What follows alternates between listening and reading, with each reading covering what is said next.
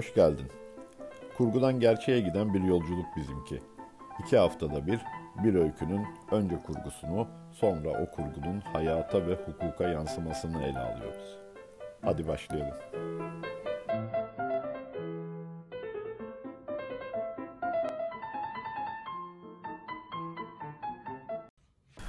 Hepinize merhaba. Ben Ufuk Tekin. Ben Aysun Selçuk. Kurgudan Gerçeğe programımızın yeni bir bölümüyle, dördüncü bölümüyle karşınızdayız. Bu bölümde işleyeceğimiz öykü Shirley Jackson isimli Amerikalı yazarın çok ses getirmiş bir öyküsü. Piyango öyküsü. Ee, bu kitaptan işleyeceğiz. 1948'de yayınlanmış bir öykü bu. Ee, yazarın aslında meşhur olmasını da sağlayan öykü. Evet. E, hatta e, yazarın isminin bile önüne geçmiş bu öykü. Shirley Jackson kim dediklerinde işte The Lottery, işte İngilizcesi Lottery'nin yazarı diye tanınırmış. O derece önemli bir öykü. E, Birçok eleştirmene göre e, tüm Amerikan edebiyatı içinde en çok ses getiren öykü. En çok beğenilen değil ama en ses. çok ses getiren öykü. New Yorker dergisinde ilk yayınlanmış. Okuyucular dergiyi bombardımana tutmuşlar. Ee, böyle çirkin bir şey olabilir mi? Nasıl bunu yazarsın? Bu iğrenç şey, tehditler, işte hakaretler. Ee, hatta e, Shirley'nin annesi ben gene aile ilişkilerine hemen girerim. Shirley'nin annesi e, çok katı bir kadın. O da e, bir mektup yazıyor kızına. Diyor ki e, okumadık bile. E, çok karamsar öyküydü. Ne gereği var böyle şeyler yazmanın? Biraz neşeli şeyler yazsana. Ah siz gençler falan diye böyle bir e, olumsuz bir e, mektup yazıyor kızına. Yani çok tepki alıyor. Ama ona rağmen daha sonra kıymeti anlaşılıp e, Amerika'da okullarda, e, liselerde, ortaokullarda okutulan bir öyküye dönüşüyor. Sadece Amerika'da değil galiba. Şimdi yazarın dili çok sade. Ee, ben e, baktığımda internetten birçok lise öğrencisi de bu öyküyü işte biz İngilizce dersinde hmm. veya üniversite öğrencisi biz İngilizce dersinde ya da işte hazırlık sınıfında bu öyküyü okuduk e, demişlerdi. Çünkü yazım dili çok basit, çok sade. Hatta fazla sade bulanlar da var. Sanıyorum o yüzden hani İngilizce öğrenmek isteyenler hmm. için de evet. iyi bir e, edebiyat eseri Müfredatta olan, yani bunun altını çizmek istiyorum. E, el alem müfredatına neler el koyuyor? evet değil mi? Biz müfredatımıza neler koyuyoruz? Hani öyküyü e, konuştuktan sonra daha iyi anlaşılacak. Ya Allah aşkına bizim edebiyat derslerimiz failatun, failatun, failünlerle geçti. Bizim öyle geçti. Hani şimdiye bakıyorsun, ben hani kızımdan bakıyorum. Şimdiki de çok e, bana parlak gelmiyor doğrusu. Hani tartışmalara, düşünce fırtınalarına yol açacak e, bunun gibi belki insanları sarsacak çok da fazla şeye girilmiyor. Bizde tabii edebiyat dersi denince doğrudan bir yazar ve eserinden bahsediliyor ama mesela benim Kabataş mezunu bir arkadaşım vardı. Onunla sohbet ediyorduk. Onun tabii bundan belki o işte 20-30 yıl önce, 40 yıl önce neyse e, öğrenciliğini anlatırken şunu diyordu. Biz bir edebiyat eserini incelemeden önce hoca bize o dönemin tarihçesini anlatırdı. Hmm. Toplumsal yapısını anlatırdı. Çünkü iyi hiçbir edebiyat eseri o anki tarihsel bağlamdan da toplumdan da koparılamaz. Evet. Şimdi ise öyle değil. İşte e, şu yazar şöyle kitaplar yazmış, şu tarihte ölmüş, bu tarihte doğmuş. Bir kronoloji vermeyi, bir eser listesi vermeyi ve e, bir eseri öne çıkarmayı bir edebiyat dersi yapmak sanıyoruz. Mesela e, şeyi Yusuf Atılgan'ın Aylak Adam kitabı mesela. Bizde çok önemli bir eser sayılır. Şimdi eseri tek başına okuduğu zaman örneğin tamam güzeldir ama çok çok etkileyici olduğunu düşünmezsin.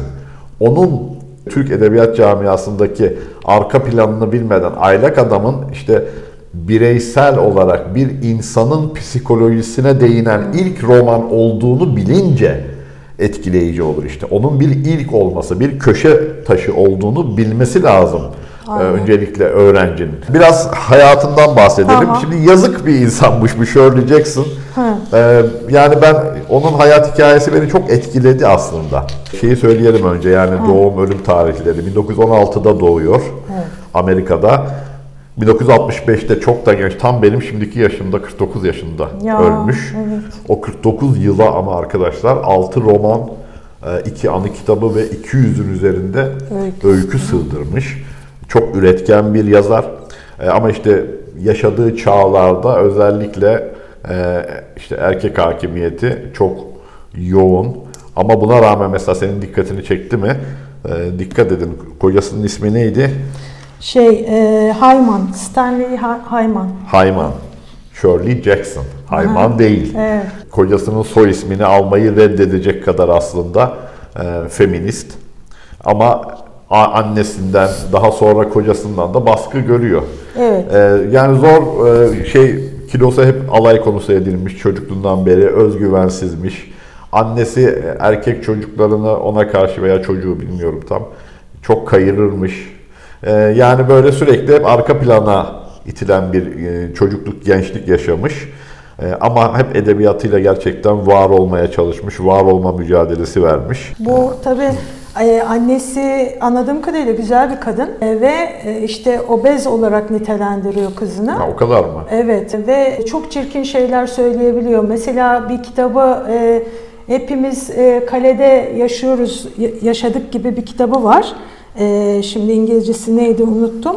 E, o kitabı yayınlandığında e, Time dergisine kapak oluyor 62 yılında ve annesi onu arayıp ne kadar çirkin göründüğünü e, söylüyor. Ondan sonra da şöyle kriz yaşıyor ve iki yıl falan yazamıyor. Bu mükemmelliyetçi annelerle kızları arasındaki Evet, ilişkiler evet. çok sert oluyor. Bir itişmeli, kakışmalı ilişki. Çok. Ondan sonra o ins- e, kızı kabul edemediği için anneler, bazı anneler yani kızlarını kabul edemedikleri için onu dışlayarak kendinden nefret etmeye kadar götürebiliyor. Shirley'nin de hayatında büyük bir damga bu. Yani tam bir annesi yani tabirimi mazur görün çomarmış.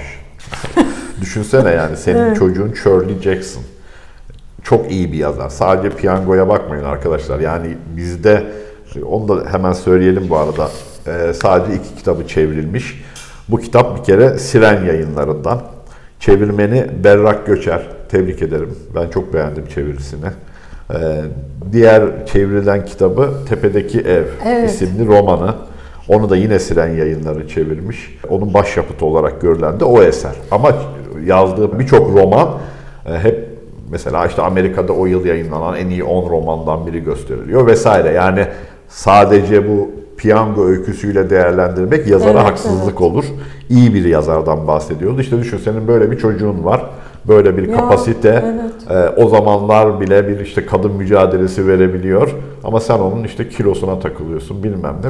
Ama şöyle düşün, herhalde tam bilmiyorum ama annesi de hani o Amerikan rüyasında işte pasta yapan, Evet ondan ya. sonra böyle e, şey Sarı, güzel güzel bir, he, böyle pembe saçlı falan bir kadın olduğunu ben hayal ettim. E, işte hani erkeği mutlu etme, kekini yapma, e, yani bunları aşağılıyor değilim ama hani böyle bir dünyada bir de karakteri belki o da annesinden baskı ya da dışlama gördü. Hani kızına bunu ya da çok mükemmeliyetçi bir kadın yansıtıyor. Bu tepedeki ev e, Netflix'te dizi. O tepedeki ev, bu evet, tepedeki evet, ev mi? hı. Ee, Shirley'den iyi e, uyarlanmış mı acaba? Ben seyretmedim. Ben biraz e, böyle şeylerden korkarım. E, onun için hani seyretmedim onu ama e, o onun uyarlaması. Ha, Senin az önce bahsettiğin kitapta şey miydi? We have always lived in the castle. Evet evet o kitap. Evet arkadaşlar neticede üretken bir yazardan bahsediyoruz. Kocası da sömürmüş bu kadıncağızı bence. Ee, Şimdi bunun kocası Yahudi. Evet. Ee, Yahudi olmanın e, getirdiği bir şeyler oluyor. Geçen bir programda da hani Yahudilik, yazarlık, o e, geçişleri hakkında böyle konuşmuştuk. Hakikaten bu da çok iyi bir edebiyat eleştirmeni. Fakat egosu çok büyük. Herhalde hep düşünürüm yani aşağılık duygusu çok fazla olan insanın kendini yükseltmesi için de egosunu çok yükseltmesi lazım. E, mesela bazı işte bu piyangoda falan mesela Shirley'e fikrini verdiğini söylüyor. Öyle yani mi? hani böyle girmeye çalışıyor. Kendine bir çıkarmaya Ha, çalışıyor. e, hayran tabii bence yazar olarak da. E, sürekli Shirley de onun beğenisine sunuyor. Ondan sonra aslında acayip bir e- e- edebiyat eleştirmeni olduğu söyleniyor. E, tabii çok okuyan falan bir adam. Kütüphanesinde bu Hayman'ın e, 25 bin ile 30 bin arası kitabı varmış. Ondan sonra buradan anneme duyurulur. Benim kitaplarım Elleme. çok fazla olduğunu söyleyip atmaya çalışıyor. At bunlardan kurtul falan diyor. hep sorunumuz da galiba. Senin de böyle. Ben e, evimizde salonda camlı bir bölüm vardı. Yer yoktu kitaplarım yani bekarlık dönemimden bahsediyorum ailemle yaşadığım dönemden kitaplarımı oraya dizerdim. Annem o kitapların eve güneş girmesini engellediğini evi kararttığını ne bunlar okudum işte tamam daha niye tutuyorsun gibi. Canım annem öpücük yolluyorum bu arada. Benimki hala mücadelesini sürdürüyor. Sürdürüyor mu? Ondan sonra at bunları artık yaşlandı falan diyor. Yani böyle depresyona sokacak şeyler. Yani adamın 25 bin 30 bin arası kitabı varmış. Ee, böyle bir adam Ben- ama dediğin gibi Shirley'i çok kısıtlıyor. Mesela e, ondan izinsiz kendi adına kredi kartı yokmuş, izin vermiyormuş. Shirley'nin mi? Shirley'nin e, Evet kocası- yani finansı o yönetiyormuş değil Evet, mi? evet. Ha, Çok enteresan işte böyle bir şeyi varmış adamın bir baskıcı yönü varmış ama şey de söylüyor e, diyor ki çok çalıştı diyor karısı için. Sürekli yazıyor ya da yazmayı düşünüyordu ve tüm alışveriş ve yemek işlerini de o yapıyordu. Bak sen yemekler her zaman vaktinde gelirdi. Ama aynı zamanda gülmeyi ve fıkralar anlatmayı da severdi. Bu yönüyle de çok neşeliydi diye. e, hatta şöyle diyeceksin gerçekten böyle komik eğlenceli bir insanmış. Karikatürleri de varmış. Ha. Evet bu, kocasının bu şeyi üzerine bir karikatür çizmiş. İşte hamile bir kadına kocası e, hamile ve ağır bir yük taşıyan kadına yanındaki kocası sen hamilesin ağır yük taşımamalısın diyormuş ama o yükü almayı hiç düşünmüyormuş. başın içerisine bakıyor. Artık Hayman diye mi okunuyor? Hayman'ın Hayman, da biraz tavrı ona benziyor. Halbuki aslında evin finansal giderlerini de hep tabii bu piyangodan sonra Evet, sonra, hı hı. Tanınır bir yazar oluyor. Kitapları çok satıyor ve aslında evin giderlerini de o yapmasına karşın tüm idareyi yine de kocası elinden bırakmamış. Ama işte yaşadığı çağları düşününce Evet. kocası da şu piyango ve annesi de aslında şu piyango öyküsünde anlatılan E, Kasaba kişiler gibi. mi? Öyle hissediyorsun hakikaten. Bir öyküyü okuyalım mı Aysun? Tamam, Önce tamam. öyküyü okuyalım. Daha sonra devam edeceğiz. Shirley Jackson, Piyango, Siren Yayın Evi, çeviren Berrak Göçer. 27 Haziran sabahı hava açık ve güneşliydi. Yaz günlerine özgü ferahlatıcı bir sıcaklık hissediliyordu. Her yer çiçek açmıştı, çimler yemyeşildi. Kasabalılar saat 10'a doğru meydanda postane ile bankanın arasında toplaşmaya başladı. Bazı kasabalar öyle kalabalıktı ki olay iki gün sürüyor ve mecburen 26 Haziran'da başlıyordu. Ama buranın nüfusu sadece 300 kişi olduğundan piyango Happy Top'u 2 saat alıyordu. Bu yüzden sabah 10'da başlasalar bile bittiğinde kasabalılar öğle yemeğine evlerine dönebiliyordu. Önce çocuklar toplaştı pek tabii. Okul yaz tatiline yeni girmişti ve özgürlük hissine çoğu henüz alışamamıştı. Şamatalı bir oyuna başlamadan önce genelde bir süre birlikte sessiz sessiz duruyor, hala sınıftan, öğretmenden, kitaplardan ve aldıkları cezalardan konuşuyorlardı. Bobby Martin ceplerini çoktan taşlarla doldurmuştu bile. Diğer çocuklar da hemen onu örnek aldı ve en pürüzsüz, en yuvarlak taşları seçtiler. Bobby, Harry Jones ve Dickie Delacroix, kasabalılar bu adı Delacroix olarak telaffuz ediyordu. Sonunda meydanın bir köşesinde kocaman bir taş yığını oluşturdular ve onu diğer çocukların yağmalarına karşı korumaya başladılar. Kızlar bir kenarda durmuş kendi aralarında konuşuyor, arkalarına bakıp bakıp oğlanları süzüyordu. Yaşı çok küçük olan çocuklarsa ya tozların içinde yuvarlanıyor ya da abileriyle ablalarının ellerinden tutuyordu. Kısa süre sonra erkekler de toplanmaya başladı. Çocuklarını yokluyor, ekinden ve yağmurdan, traktörlerden ve vergilerden bahsediyorlardı. Köşedeki taş yığınından uzakta grup halinde duruyorlardı. Küçük espriler yapıyor, kahkaha atmak yerine gülümsemekle yetiniyorlardı. Solgun renkli ev elbiseleriyle kazaklar giymiş kadınlar erkeklerden hemen sonra geldi. Birbirleriyle selamlaşıp ayaküstü dedikodu yaparak kocalarına katıldılar. Az sonra kocalarının yanlarında duran kadınlar çocuklarını çağırmaya başladı. Çocuklar istemeye istemeye ancak 4-5 kez çağrıldıktan sonra yanlarına toplandı. Bobby Martin annesinin onu tutan elinin altından kaçıp gülerek taş yığınına geri koştu.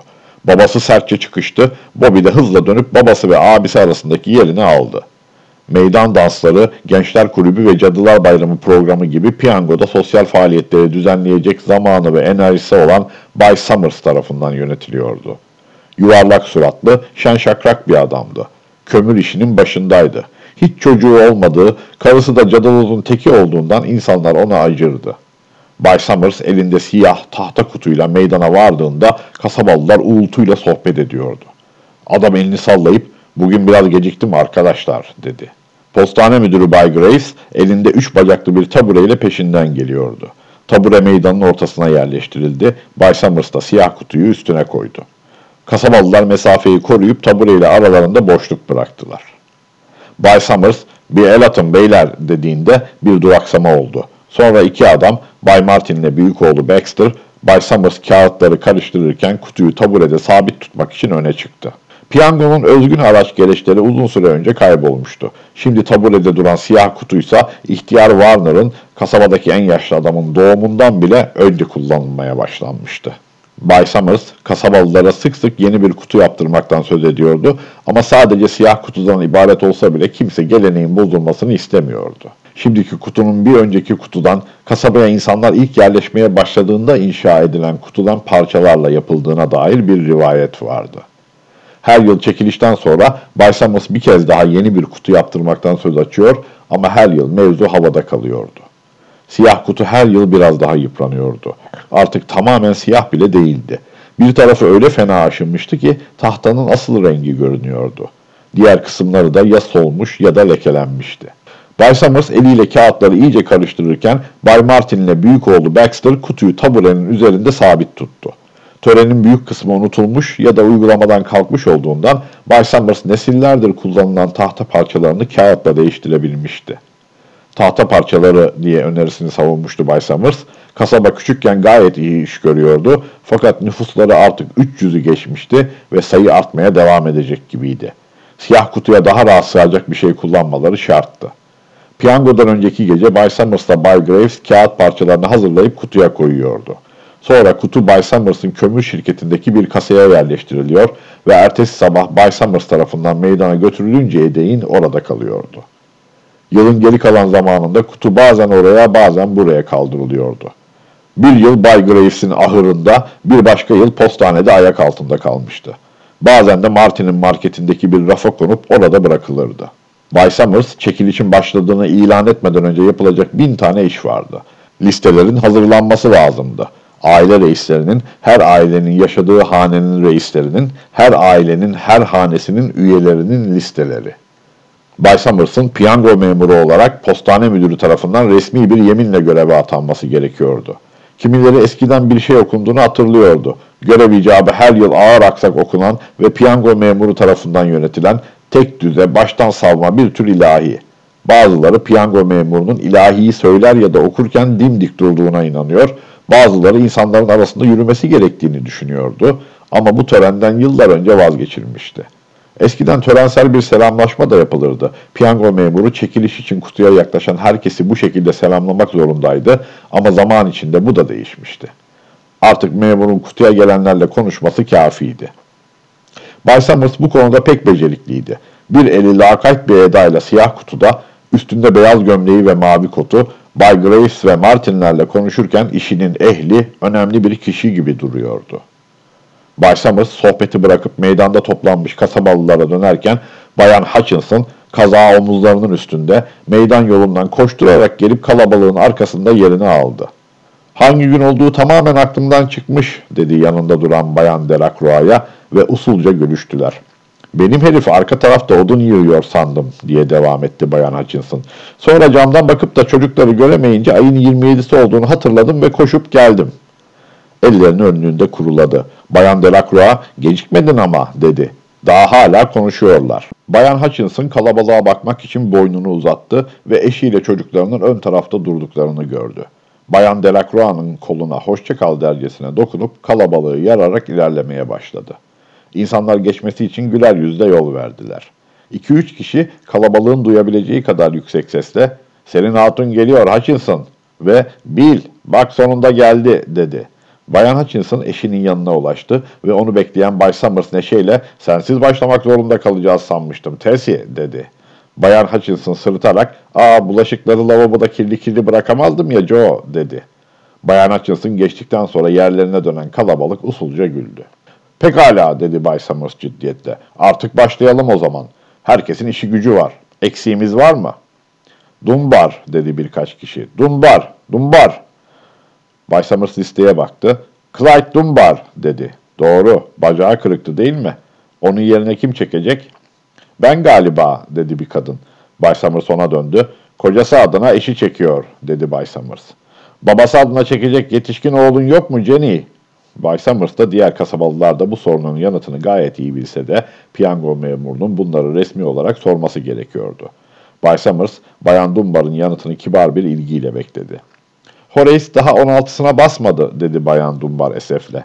Bizim adamın yerine katılmaya mecburum sanırım. Pekala dedi Bay Summers. Elindeki listeye bir not yazdı. Sonra Watson'ların delikanlısı yıl katılıyor mu diye sordu. Kalabalığın içinde uzun boylu bir çocuk elini kaldırdı. Buradayım dedi. Annemle kendim için katılıyorum. İnsanlar aferin Jack ve erkek adam annen adına katılıyorsun derken gözlerini gergin gergin kırpıp başını eğdi. Pekala dedi Bay Summers. Sanırım herkes burada. İhtiyar Warner gelebildi mi? Buradayım dedi bir ses ve Bay Summers başını salladı. Bay Summers boğazını temizleyip listeye bakarken kalabalık aniden sessizleşti. Hazır mıyız dedi Bay Summers. Evet şimdi isimleri okuyacağım. Önce aile reislerini, erkekler öne çıkıp kutudan birer kağıt alsın. Herkes çekene kadar kağıtları elinizde katlı tutun ve sakın bakmayın. Anlaşıldı mı? İnsanlar çekilişe o kadar çok katılmışlardı ki kuralları yarım yamalak dinliyorlardı. Çoğu sessizdi. Dudaklarını ıslatıyor, önlerine bakıyorlardı. Sonra Bay Summers bir kolunu yukarı kaldırıp Adams dedi. Bir adam kalabalığın içinden öne çıktı. Merhaba Steve dedi. Bay Summers, Bay Adams da selam Joe diye yanıt verdi. Birbirlerine gergin bir edayla kuru kuru gülümsediler. Sonra Bay Adams siyah kutuya uzanıp katlanmış bir kağıt aldı. Kağıdı bir ucundan sıkı sıkı tutup telaşla kalabalıktaki yerine döndü. Ailesinden biraz uzak durdu. Eline bakmıyordu. Alan dedi Bay Summers. Anderson, Bentham. Artık bir piyangodan diğerine zaman öyle hızlı geçiyor ki dedi arka sıradaki Bayan Delacroix, Bayan Graves'e. Sanki daha geçen hafta çekiliş yapmıştık. Zaman gerçekten çok hızlı geçiyor dedi Bayan Graves. Clark, Delacroix. İşte benimki gidiyor dedi Bayan Delacroix. Kocası ilerlerken nefesini tuttu. Dumbar dedi Bay Summers. Bayan Dumbar sağlam adımlarla kutuya giderken kadınlardan biri ''Hadi bakalım Jenny'' dedi. Bir başkası ''İşte gidiyor'' ''Sıra bizde'' dedi Bayan Graves. Bay Graves kutunun yanından çıkıp Bay Summers'a ağır ağır selamlar ve kutudan bir kağıt seçerken onu izledi. Artık kalabalık küçük katlı kağıtları ellerinde evirip çeviren gergin adamlarla doluydu. Bayan Dunbar'la iki oğlu yan yana duruyordu ve kağıt Bayan Dunbar'ın elindeydi. Harbert, Hutchinson, git bakalım Bill dedi Bayan Hutchinson. Yanındakiler gülüştü. Jones, diyorlar ki dedi Bay Adams yanında duran ihtiyar Warner'a. Kuzeydeki kasabada piyangodan vazgeçmekten bahsediyorlarmış. İhtiyar Warner homurdandı. Delilik, zır delilik dedi. Gençlere sorarsan zaten onlar hiçbir şeyi beğenmiyor. Bir bakmışsın yine mağaralarda yaşayalım, kimse çalışmasın, bir sürede böyle gitsin diyecekler. Eskilerin bir lafı vardı. Piyango Haziran'da, Mısırlar Koçanlar'da. Bir bakmışsın hepimiz haşlanmış kuş otuyla meşe palamudu yiyoruz. Piyango evvel eski vardı diye ekledi somurtarak. Genç Joel Summers'ın orada herkesle çakalaşması yeterince kötü. Bazı yerler piyangoyu bırakmış bile dedi Bayan Adams. Başlarına bela alırlar diye bastırdı ihtiyar Warner. Zır delilik bu. Martin, Bobby Martin babasının öne çıkmasını izledi. Overdyke, Percy. Ellerini çabuk tutsalar bari dedi Bayan Dumbar büyük oğluna. Ellerini çabuk tutsalar keşke. Bitmek üzere dedi oğlu. Sen koşup babana haber vermeye hazırlan dedi Bayan Dumbar. Bay Summers kendi adını okudu. Sonra dosdoğru öne çıkarak kutudan bir kağıt seçti. Ardından Warner diye seslendi. 77. piyangom dedi ihtiyar Warner kalabalığın arasından geçerken. 77. Watson, uzun boylu çocuk gergin hareketlerle kalabalığın arasından çıktı. Biri, heyecanlanmana gerek yok Jack dedi. Bay Summers da rahat rahat seç evlat diye ekledi. Zanini!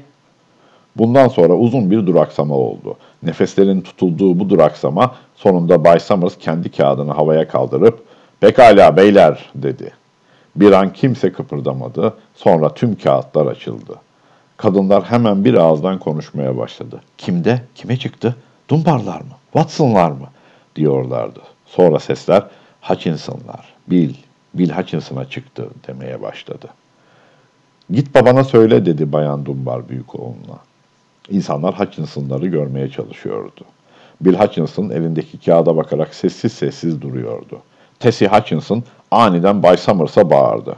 Ona istediği kağıdı seçmesi için vakit tanımadın. Gördüm seni. Haksızlık bu. Mızmızlık yapma Tessie dedi Bayan Delacroix.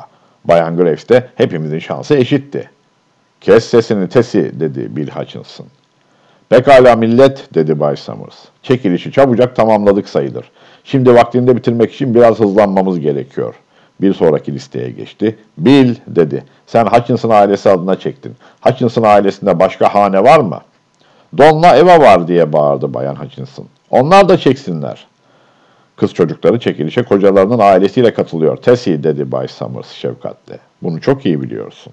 Adaletsiz bir çekilişti dedi Tessie. Yok sanırım Joe dedi Bill Hutchinson üzüntüyle. Kızım eşinin ailesiyle çekiyor. Doğrusu bu. Benim de çocuklardan başka ailem yok. Pekala. Aileler için çekilişe katılan sen varsın diye açıklama yaptı Bay Summers. Haneler açısından çekilişe katılan da sensin. Doğru mu? Evet dedi Bill Hutchinson. Kaç çocuğun var Bill diye sordu Bay Summers resmi bir tavırla. Üç dedi Bill Hutchinson. Bill Junior, Nancy ve küçük Dave. Bir de Tessie ile ben. Pekala o zaman dedi Bay Summers. Harry kağıtlarını geri aldın mı? Bay Graves başını evet dercesine sallayıp kağıt parçalarını havaya kaldırdı. Kutuya at o zaman dedi Bay Summers. Bill'inkini de alıp koy.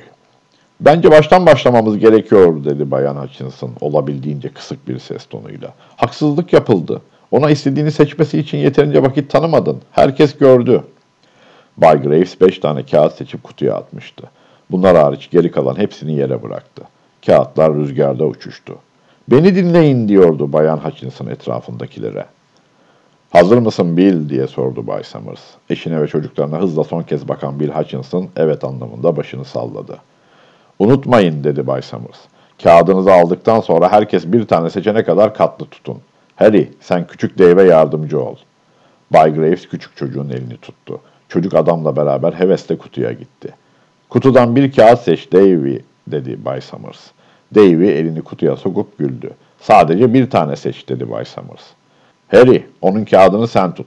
Bay Graves çocuğun sıkı sıkı yumruk yaptığı elini tutup katlı kağıdı aldı ve küçük dev yanında durup hayranlık içinde onu seyrederken kağıdı tuttu. Sırada Nancy var, dedi Bay Summers. Nancy 12 yaşındaydı. İleri çıktı. Eteğini düzeltip kutudan zarif bir hareketle kağıt seçerken okul arkadaşları burunlarından ağır ağır soludular. Bill Junior dedi Bay Summers. Koca ayaklı, kırmızı suratlı Billy kağıdını seçerken neredeyse kutuyu deviriyordu. Tessie dedi Bay Summers. Bayan Hutchinson bir an duraksadı. Meydan okurcasına etrafına bakındı. Sonra dudaklarını büzüştürüp kutuya gitti. Bir kağıt alıp arkasında tuttu. Bill dedi Bay Summers. Bill Hutchinson da kutuya uzanıp içini karıştırdı ve nihayet bir kağıt parçası tutarak elini çıkardı. Kalabalıktan çıt çıkmıyordu. Bir kız umarım Nancy değildir diye fısıldadı. Fısıltı kalabalığın en uç köşelerinde dahi duyuldu. Nerede o eski günler dedi ihtiyar Warner duyulacak bir sesle. Nerede o eski insanlar? Pekala dedi Bay Summers. Kağıtları açın. Harry küçük Dave'inkini sen aç. Bay Graves kağıdı açtı. Yukarı tuttuğunda boş olduğunu görünce herkes rahat bir nefes aldı. Nancy ile Bill Junior kendininkileri aynı anda açtılar. İkisinin de yüzü aydınlandı. Güldüler. Kalabalığa dönüp kağıtlarını başlarının üstüne kaldırdılar. Tessie dedi Bay Summers. Bir duraksama oldu. Sonra Bay Summers Bill Hutchinson'a baktı. Bir kağıdı açıp gösterdi. Boştu. Tessie de dedi Bay Summers sükunet dolu bir sesle. Bize Tessie'nin kağıdını göster Bill. Bill Hutchinson karısının yanına gidip kağıdı zorla elinden aldı. Üstünde siyah bir daire vardı. Bay Summers'ın bir önceki gece kömür şirketinde kalın uçlu bir kurşun kalemle çizdiği siyah daire. Bill Hutchinson kağıdı yukarı tuttu. Kalabalık kıpırdanmaya başladı. Pekala millet, dedi Bay Summers. Bir an önce bitirelim şu işi. Kasabalılar töreni unutmuş, ilk siyah kutuyu kaybetmiş de olsalar, taş kullanmaları gerektiğini hala hatırlıyorlardı. Çocukların önceden yaptığı taş yığını hazırdı. Yerde kutudan çıkan, şimdi rüzgarda uçuşan kağıtların arasında taşlar vardı. Bayan Delacroix öyle büyük bir taş seçti ki kaldırmak için iki elini kullanması gerekti. Sonra Bayan Dumbar'a döndü. Hadi dedi, çabuk ol. Bayan Dumbar'ın ellerinde küçük taşlar vardı. Nefes nefese, ben hiç koşamıyorum dedi. Sen önden git, ben yetişirim. Çocuklar taşları çoktan almıştı. Biri Davy Hutchinson'a birkaç küçük çakıl taşı verdi. Tessie Hutchinson şimdi boşaltılan bir alanın ortasında kalmıştı. Kasabalılar üstüne yürürken ellerini çaresizlik içinde havaya kaldırdı. Bu haksızlık dedi. Bir taş yandan kafasına çarptı. İhtiyar Warner, hadi, hadi ahali diyordu. Steve Adams, kasabalı güruhunun en önünde duruyordu. Yanında Bayan Graves vardı. Bu haksızlık, bu haksızlık diye çığlık attı Bayan Hutchinson. O anda üzerine çullandılar. İlginç bir öykü. Gerçekten çok ilginç. Doğrusu yani Zincirsizdeki gibi daha önce okuduğumuz öykülerden katmanlı bir öykü olduğunu çok düşünmüyorum. O kadar etkileyici bir finali var ki e, bu insana çok etkiliyor. Bir şeyi bir eleştirmenin sözü evet anlatım sanatı yüzeysel kalıyor diyor ve bireysel kimlikleri tasvir edemiyor. Piyango bile sizi bir kez ve yalnızca bir kez yaralıyor diyor. Ee, evet yani anlatım derinliği belki çok yok. Hani karakterlere çok odaklanmıyor. Bu öyküde de öyle mesela. Biraz işte Bayan Hutchinson'ı aslında e, anlayabiliyoruz. Onun dışında karakterlere çok odaklanmıyor. Daha çok olaya odaklanan bir yazar. Ama işte e, öyle bir öykü yazmış ki, öyle bir kurgulamış ki, insana öyle çarpıyor ki, e, işte Amerikan edebiyatının, tüm Amerikan edebiyatının en çok e, üzerinde konuşulan öykülerinden biri o haline geliyor. Öykü tam da hani gotik edebiyat e, türünde e, verilmiş bir öykü. E, tam da o gotik edebiyatta hani e, şey yapılan e, kavramları sana veriyor. Yani o hani tedirgin etme. Ondan sonra seni e, tuhaf, burada bir tuhaflıklar var. Hani ya bu nasıl İlk bir şey? okuduğunda tuhaflıkları fark ettin mi? Piyango bir kere e, bizim için olumlu bir şey. Hani, evet, değil tabii. mi? Yılbaşı Ben öyle, bizim için. e, ilk başladığımda yılbaşı piyangosu da pek olumlu değil yıllardır. ya ha evet ama Hemen bir siyasi mesajı sokuşturuvereyim araya. Evet, ama genel olarak mesela piyango dediğimizde bir şey kazanacağız. Evet. Bir hoşluklar, şirinlikler falan olacak diyoruz. Hani burada e, o kafayla okuyorsunuz tabii. Ama şurada şöyle şeyler başlıyor. Bak onları ben işaretledim. Ben nerelerde böyle bir tedirgin oldum. Bu ne ya? Ne tuhaf bir şey. Şimdi diyor ki e, er- e, çocuklar, e, erkekler de geliyor, toplanıyor. Diyor ki köşedeki taş yığınından uzakta. Şimdi böyle bir şeyi yani yazar bir şey yazıyorsa bir anlamı vardır diye okuyoruz ya. Yani muhakkak taş yanından uzakta küçük espriler yapıyor. Kahkaha atmak yerine gülümsemekle yetiniyorlar. Şimdi bir böyle o halk bir kısıtlı, bir, bir tuhaf bir şeyler var. Mesela kadınları tarif ederken solgun Ama pardon şimdi bak. Şimdi senin yaptığın finali okuduktan sonra bir geriye dönüş. Ben Yok yok. Ve şöyle. Okur okumaz. Aa Evet. bu tuhaf dedin mi yani? Ha şöyle. Vallahi dediysen çok zekisin ben dememiştim. Teşekkür- Ben güzel güzel okuyorum. Yok genelde güzel okudum ama şöyle bu ne ya diyorsun şimdi böyle bir giremiyorsun hani ne bu? Evet, ben evet. öyle oldum yani hani of sıkıldım falan hani bir gitmeler gelmeler oluyor. Mesela bak dur sonra he e, Tabii belki bunu daha sonra anlamış olabilirim. Bak beni etkiledin şimdi. Ondan Oha bir sonra sürü notlar almışsın sen. Bak şimdi Aysun bu öyküde en güzel yapılan şey şu hani öykü için benim çok sevdiğim bir tabir vardır. İyi öyküler, iyi öykünün finali öyle bir şeydir ki e, gölgesini öykünün ilk kelimesine kadar düşürür. he Şimdi siz aslında yani Güzel, o evet. finali okuduğunuzda aslında o gölgenin ilk satırdan itibaren tüm öyküyü kapladığını görürsünüz. Bu yönüyle mükemmel bir öykü bu. Yani e, öyle belli belirsiz ama ikinci okuduğunda rahatsız eden ve evet ya ben bak hiç bunu düşünmemiştim. Tabii, Niye çocuklar taş topluyor bir kere? Ama rahatsız olmuyor musun? Bir, bak şimdi şeyi demek Tuhaflık istiyorum. olduğunu Heh, hissediyorsun tabii. İşte o yüzden bence hani gotik edebiyat için çok iyi bir şey. Sonra ben böyle oturttum ama şöyle çocuklar taş topluyor. Erkekler gülmekle gülmemek arası bir şey. Bir gerginlikler başlıyor. Mesela ilk piyango çektiğinde hani hepimiz neşeleniriz ya öyle bizim pozitif anlamda düşün. Sana mı çıktı, bana mı falan yaparız. Bunlar böyle fısıldayarak o, o he falan ondan sonra böyle bir sessizlik diyor. Erkekleri bir sessizlik bürüdü diyor. Ondan sonra fısıltılar olmaya başlıyor. Yani piyangonun e, şeyiyle bizdeki intibağıyla o toplumdaki tek tek verilen her paragrafta verilen şeylerin bir tersliği olduğunu anlıyorsun. Yani öyle bir sana bir tuhaflık geçiyor. Bence o yönden başarılı. Çok başarılı. Yazar tabii o kadar çok tepki geliyor ki kadıncağız aslında bu tepkilere cevap vermekten bile yoruluyor. Ee, çok güzel bir şey söylemiş. Ee, Bayan Hutchinson'ın sonunda bir Bendix çamaşır makinesi kazanmasını bekleyenlerin oranı sizi şaşırtırdı diyor. Yani, İşte o herkes biziz. şey sanıyor, piyango için. Evet çamaşır makinesi Bayan Hutchinson'a çıktı. Ben onu bekliyordum yani. öykü kısa bir metin olduğu için e, atmosferiyle de doğrudan okuyucuyu aslında finale hazırlar. Evet. Mesela işte kasvetli bir öyküden bahsediyorken şen şakrak gülüyorlardı ortalık güllük güneşlikli demezsin. İşte sonbahar günüydü, puslu bir hava vardı filan falan böyle evet, başlarsın. Yani evet. ruh halini okuyucunun doğrudan biçimlemeye çalışıyorsun. Ama burada bizim ruh halimizi çok güzel, oh harika bir Tabii. kasaba, 27 Baksana, Haziran ha, sabah hava açık, Okullar güneşli, kapanmış, çocuklar falan falan. Ha. Yani kendini e, güzel bir finale hazırlıyorsun. Aradaki rahatsız edici şeyler de o yüzden çok Hayır tabii ki anlamıyorsun. Belki Ha. diyorsun bir tuhaflık olabilir ama herhalde bu işte bir Oraya taşlanarak yani. olmaz yani. E, insanlar ama bir tuhaf.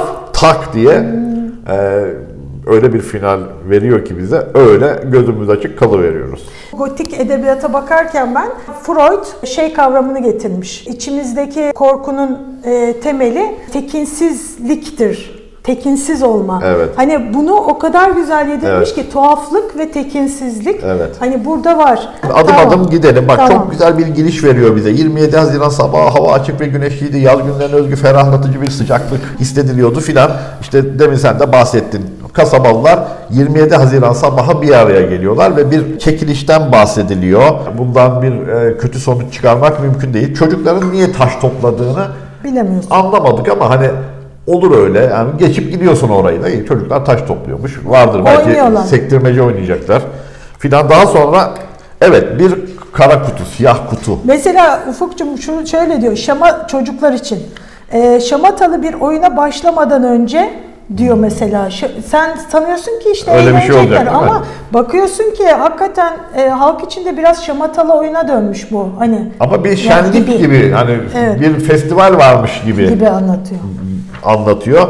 Daha sonra siyah kutu gelince işte o kutunun siyahlığı aslında yine finalden sonra geriye dönünce o gölgeyi hissettiren şeylerden biri siyah bir kutu. Zaten e, siyah mesela edebiyatta siyah kutu işte Evet. kapalı olan şeyler kötülüklerin e, çıktığı, sırların döküldüğü değil mi? Hep öyle anlatılır. Burada da bir ahşap kutu var. E, bu işte siyah kutunun siyahlığı gitmiş, ahşabı dökülmüş. Bu da bize aslında buradaki e, 27 Haziranlarda her yıl olan geleneğin nasıl e, çok e, geçmişten geldiğini, o geleneğin yıprana yıprana da olsa hani burada semboller çok var aslında. Çok var. Ama hep onları veriyor değil mi burada? Evet. Sadece şey değil. Kutunun siyahlığı kaçmış. Kimsenin mesela çekilişler dışında o kutuyu önemsediği yok. Ee, neydi o çekilişi yapan adam? Summers. Summers işte kutuyu yenileyelim falan diyor. Kimsenin umursadığı yok. Efendim e, başka işte aslında o kutu daha önceki başka bir kutudan yapılmış. E, bazı nesneler kaybolmuş. Eskiden ahşap çekiliş şeyleri Varmış. kullanılırken onlar da aradan çıkarılmış. Yani seremoni seremoni yapan mesela şimdi namaz bir seremonidir değil mi? Onun kuralları değişmez. Ama buradaki seremoni sürekli değişmiş. Posta memur müdürü normalde işte herkesi selamlarmış, bir şeyler söylenmiş. ilahi okunurmuş. İlahi Ama okunurmuş. insanlar bunu da çok hatırlamıyor. Eskiden ilahi okunduğunu. Şimdi selamlamayla e, bir şekilde. Yani aslında gitgide de böyle bir ayin oluşturma gibi bir şey var değil mi? O şeyde. Ritüellerin olduğu aslında, bir yerde. Bu da aslında ürkütücü bir yönüyle. Yani e, biçimsel özelliklerini umursamıyorsun. Hani burada bir şey tanrılara kurban etme ayini Gibi. gibi. E, ama seremoni bile önemsenmiyor o şekilsel şeyler ama e, kimse finali de değiştirelim. Bak artık her şey değişti. Finali de değiştirelim bari işte ne bileyim kafasına vurmayalım taşla en azından. Gövdesine bir iki tane atalım sembolik de demiyor ama. Yani o en vahşi yönü hiç değişmeden kalıyor. Ama o seremoni yönü, biçimsel yönü önemsenmiyor. Yani şöyle görebiliriz orada. Mesela e, geleneklerin bir toplumda ne kadar uzun yıllarda aşındığı, değiştiği, dönüştüğü veya kaldırıldığını çok güzel sergilemiş. Dediğin gibi işte kutunun e, oraya buraya atılması, insanların bugün müydü, ha Evet. o gündü falan diye hatırında tutamaması artık. Ama yine de gidip o görevlerini ifa etmesi. Ondan sonra ama e, işte ilahiler var mıydı yok muydu? Yani sadece bu hikayede bir gelenek var. O geleneğin değişimi için sadece araçların değiştiği söyleniyor bize. Ama Evet. gelenek değişmiyor. Amaç Olduğu aynı, gibi kalıyor. amaç aynen Evet. korunuyor. Yazıldığı çağı düşünürsek çok anormal değil ama tam bir erkek egemen bir toplum. Evet. E, mesela e, kocası olmayan için kocası adına eşi çekiyor. Bacağı mı kırılmıştı neydi? E, babası adına çekecek yetişkin oğlan yok mu Johnny diye soruyorlar. Yani çekilişi aileler adına baba yapıyor. Baba yoksa eğer e, büyük oğlan, erişkin oğlan yapıyor. Ancak o da yoksa kadın çekilişi yapabiliyor. Şöyle tabii ki feminist bir e, bakış açısıyla e, bakmasak bile feminist bir metin bu. E, çünkü şöyle güçlü bir feminist yazar aslında. Birinci dönem, birinci kuşak e, feminizm dediğimiz dönemde e, Amerika'da e, baktığımızda oradaki kazanımlar oy hakkı, e, siyasi haklar için kadınlar mücadele ediyor, vatandaşlık hakları için mücadele ediyor, demokrasi için.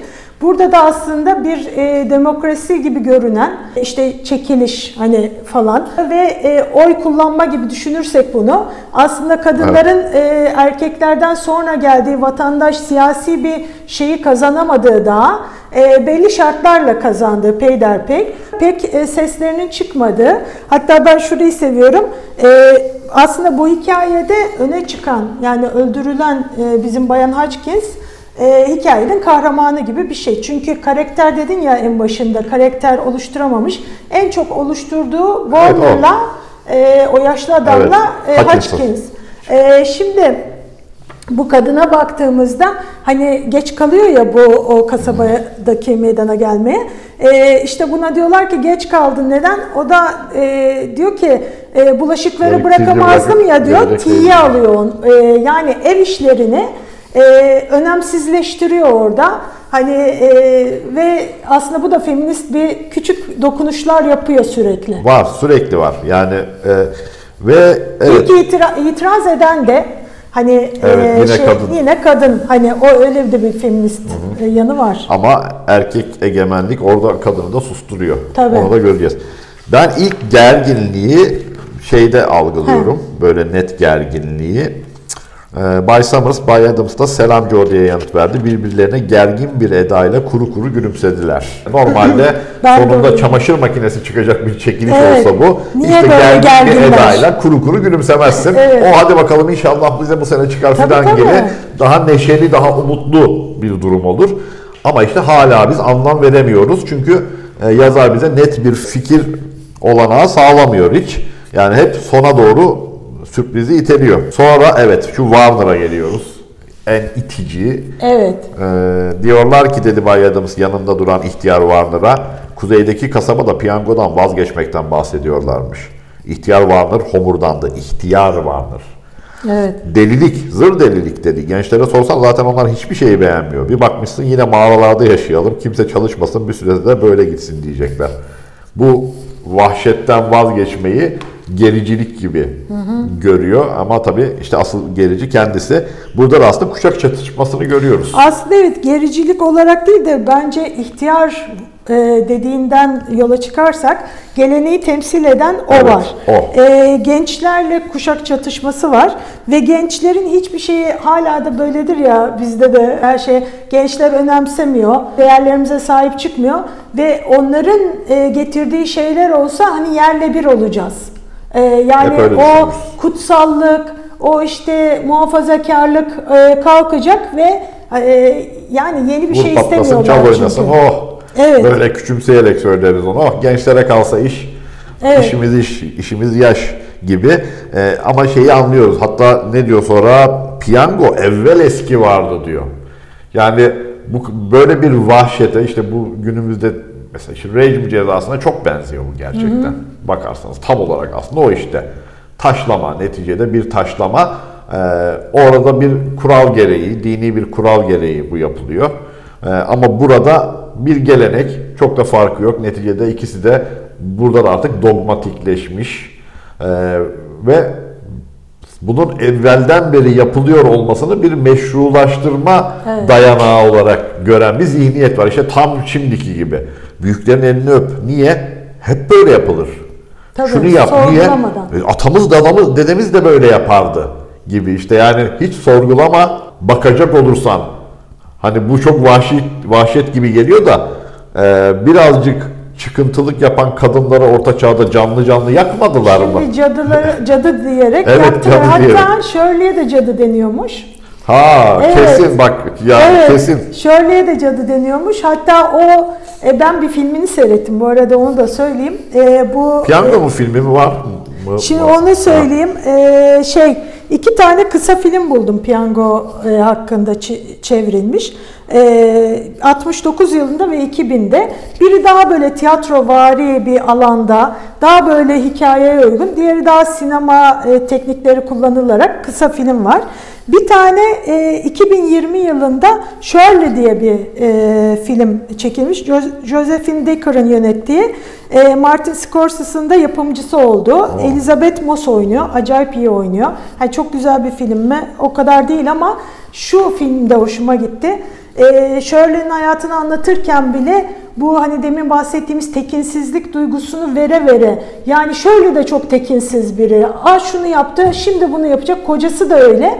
O bakımdan o kadar güzel yapmış ki hani e, kendi hayatını da ona geçirmiş yani. Şöyle filmini seyretmenizi tavsiye ederim. Eğer bu yazara hani çok ilgi duyduysanız Bazı yerler piyangoyu bırakmış bile. Başlarına bela aldılar diye bastırdı Warner. Zır delilik bu. Tam o işte e, hepimizin ailelerinde olan bir türlü görüşlerini değiştiremediğimiz aslında e, o e, temelsiz inançlarıyla hayatı zorlaştıran, hayatı acılar içinde bırakan o geleneksel mutasip böyle tam gözümün önünde canlanıyor Değil yani mi? o şey Warner karakteri. Evet. o duruşuyla, o somurtkan yüzüyle, sevgisizliğiyle tam gözümün önünde canlanıyor. Daha sonra da şey diyor ya kendisi de çekiliş yaptığında 77. piyango He. diye yani bunu bir şey övünerek anlatıyor. Demek ki hiç çıkmamış tabii ona. Çıksaydı da birisi kafasına taşı indirseydi belki daha iyi olur. evet e, böylece geleneği temsil eden biri Evet, vardı. o gelenek tarafından cezalandırılmış olurdu. Evet, Mesela şurada diyor ki Ha. genç Joe Summers'ın orada herkesle şakalaşması yeterince Ha, kötü diyor. evet. Tekrar bazı yerlerde piyango bırakılmış diyor. Bu sefer Bayan Adams diyor. Başlarına bela alırlar. Zır delilik bu diyor. E, bu anladığımız kadarıyla bunun yapılma sebebini çok vermiyor yazar ama hani şuradan yola çıkıyoruz tabi. E, piyango Haziran'da Mısırlar Koçanlar'da. Demek ki e, bu piyango e, çekiliş sayesinde ve bir kurban edinme sayesinde verimliliğin artacağını, Mısırların O sayede. daha üretim he, olacağını, bir hasat e, hasat yani bunu da biliriz ya böyle kurbanlar verilir falan. Hala bu kadar ağır bir gelenek e, sürdürülüyor. Sorgusuz sualsiz yani. Evet. Ve ha, adam da şeyden- çok kızıyor her şeye. Cadı avından bahsediyorduk aslında. Ha, evet. Yani Ha şöyle cadı demiş. evet şöyle cadı demiştin sen. Ee, yani bu burada da mesela insanlar aslında bence cadı avı bundan daha dramatik bir şeydi. Şimdi Shirley Jackson'a kızıyorlar o zaman 1948'de öykü yayınlandığında. Biraz da niye kızıyorlar işte aslında o işte Amerikan o sığlığı bana kalırsa. Ee, tabii İkinci Dünya Savaşı yeni bitmiş. Çok acı bir savaş. Amerika da neticede bu savaştan yararlar almış. Amerikan hükümeti istiyor ki artık e, insanlar o şey kötü şeyleri hiç düşünmesin. İşte o dediğin gibi o Amerikan filmleri vardır ya o zaman ya da reklamları işte anne çok mutlu Evet, bir şekilde çok da fit bir anne. Fitti, evet, enerjikti. Tabii yemeklerini Beş yapar. çocuk böyle oturur Baba ama, gelir evet. kravatıyla, takım elbisesiyle arabasından iner o Amerikan tipi villasının önüne arabasını park eder. Çocuklar son Evet. derece mutludur. Evlerinde o zamanın işte en teknolojik güzel Aletler eşyaları vardır. Filan falan. aletleri. Ya Amerikan Dream işte. Yani hep bunu istiyor. Hep iyilik pompalamak istiyor. Tabii bu sahte bir iyilik. Neticede e, o savaşı kazanmak için Hiroşima'da, Nagasaki'de binlerce insanı da öldürdüler hiç gerek yokken. Ya da İngiltere gitti. Almanya'nın belki en güzel şehri olan Dresden'i hiç gereği yokken yerle bir etti. Hiç gereği yokken. Hiç gereği yokken yapılan katliamlar. İşte o cadı avları. Burada yine de bir tedirginlik hissediyorsun mesela insanlarda. Bir kısmında en azından. İşte e, Nancy'ye işte 12 yaşındaki kızlarına çıkmasın diye arkadaşlar diyor ki umarım Nancy'ye çıkmaz diyor piyango. Yine bir şey var. Bebek bebeğe çıkmayınca seviniyor. Herkes rahatlıyor filan ama e, işte Bruno'yu mesela İtalya'da e, yaktılar yine Engizisyon'un kararına uymuyor diye. Cadı diye kadınları yaktılar ve o yakılmalar sırasında meydandakiler sevinç çığlıkları atıyordu. Evet. E bizde de Hallacı Mansur'u işte işkencelerle öldürdüler. Yine eminim herkes bunun çok doğru bir davranış olduğunu görüyordu. Bunların hepsi, hepsi aslında şey e, bu Yakın öyküden çok daha var. Vahşi şeyler. Evet. Yani ama yazar bunu daha naif bir şekilde dile getirdiği halde bile Tepki böyle tepkiler alıyor. E, o zaman hani kim burada sahte aslında? O tepkileri gösterenler mi yoksa bu yazar mı? Neticede edebiyat nedir? Aslında gözümüze bir şeyleri sokmaktır. Yazar da bunu çok iyi bir şekilde yapmış. Sonra çekiliş yapılıyor. İnsanlar haç ısınları görmeye. Ha, Evet değil mi? Bu da mesela bir şey bizi bir geriyor burada aslında. Zaten kötü bir şeyler olacağını yavaş yavaş anlıyoruz. Uzun bir duraksama oldu, nefesler tutuldu filan. Evet. Ee, pekala beyler dedi. Bir an kimse kıpırdamadı. Sonra tüm kağıtlar açıldı. Kadınlar hemen bir ağızdan konuşmaya başladı. Kimde? Kime çıktı? Dumbarlar mı? Watson'lar mı? diyorlardı. Sonra sesler Hutchinson'lar, Bill, Bill Hutchinson'a çıktı demeye başladı. İnsanlar Hutchinson'ları görmeye çalışıyordu. Ee, ve orada anlıyoruz sessiz sessiz duruyorlar. Bu piyango çamaşır İyi bir şey makinesi değil. piyangosu değil diye. Yine de bu kadar büyük bir vahşet beklemiyoruz ama Yok, beklemiyoruz. e, yani kötü bir şeyler olduğunu anlıyoruz. Ha, sonra Tessie Hutchinson başlıyor. Bay Summers'a bağırıyor. Şimdi Tessie Hutchinson'ın tabii burada tavrı doğru adil mi? Şimdi bu piyangoyu yapıyor neticede. Ya Tessi'nin e, kocasına çıkmasaydı bu Tessi'ye Ah, itiraz Tessie de bir etmezdi. taşı alıp kafasına ama, yani. Ama e, 77 yıldır bozulmamış bu düzen. Demek ki çok itiraz edenler yok. Evet. O yüzden Tessi'nin bu küçük ve bize göre iki yüzlü, ahlaksız belki de e, itirazı bile e, bir şey, bir kıymetli oluyor tabii. Yani ilk hani bir bomba bırakmak gibi bu adil değil diyor ama mesela en yakın arkadaşı mızmızlanma diyor. Evet. Yani hani orada e, biz süre sonra öldürülecekler. Hani mızmızlanmanca oyunda olur hani. Ondan sonra hani o kadar da yumuşak alıyor herkes. Hani mızmızlanma. Ne olacak? Altı üstü kafanı ya patlatacağız falan yani. gibi. O yüzden biraz tabii kıymetli kadının dediği ama e, kadının şeyi çok ilgimi çekti. E, mesela e, çekilişte işte kaç kişisiniz diyorlar. E, kocasına çıkıyor ya ilk yuvarlak. E, işte üç tane çocuğum var diyor. E, Tesi ve ben diyor. Tesi birden e, diyor ki e, benim kızım ve kocası da var diyor.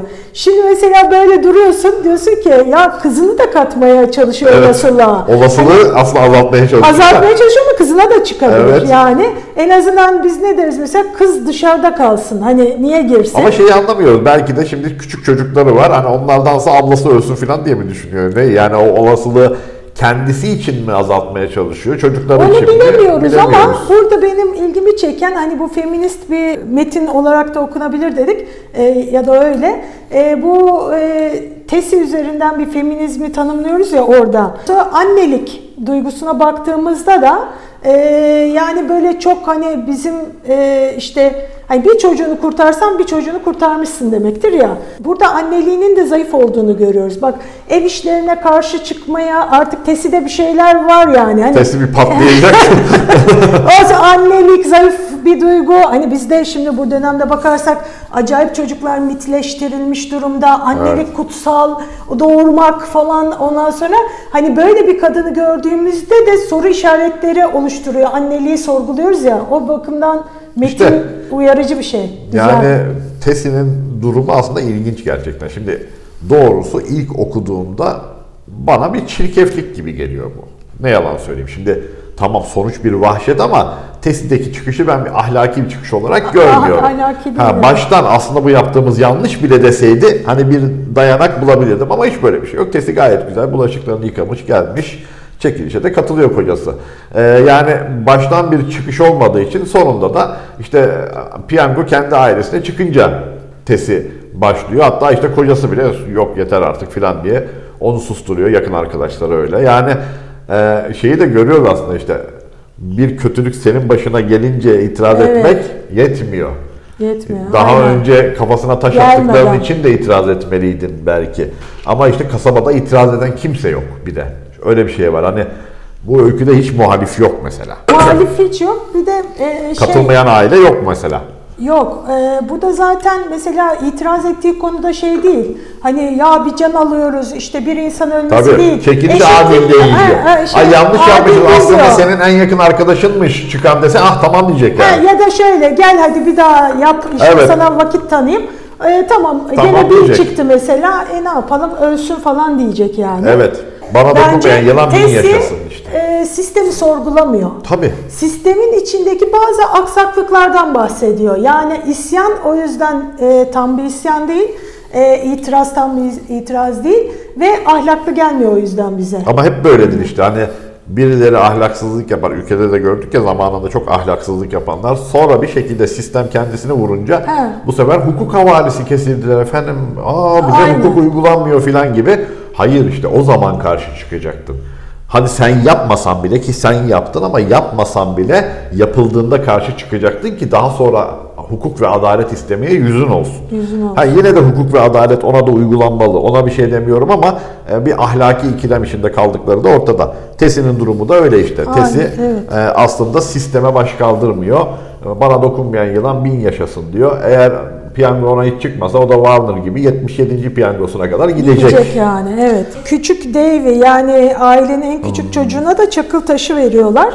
Ee, ve çocuk da atıyor. Burada bu çok güzel bir şey. Gelenekler nasıl sürer? Gençleri de dahil edebildiğin zaman, gençlerin de e, gençleri de fikirsizleştirdiğin, düşünmekten korkuttuğun, bu şeyleri itaat etmeyi öğrettiğin, düşünmeyi değil de eylemlerinin sorumluluğunu almayı değil de mesela itaat etmeyi, e, daha küçük yaşta oyun yoluyla onu oraya sokuyor ve e, çocuk annesine taş at- atabiliyor.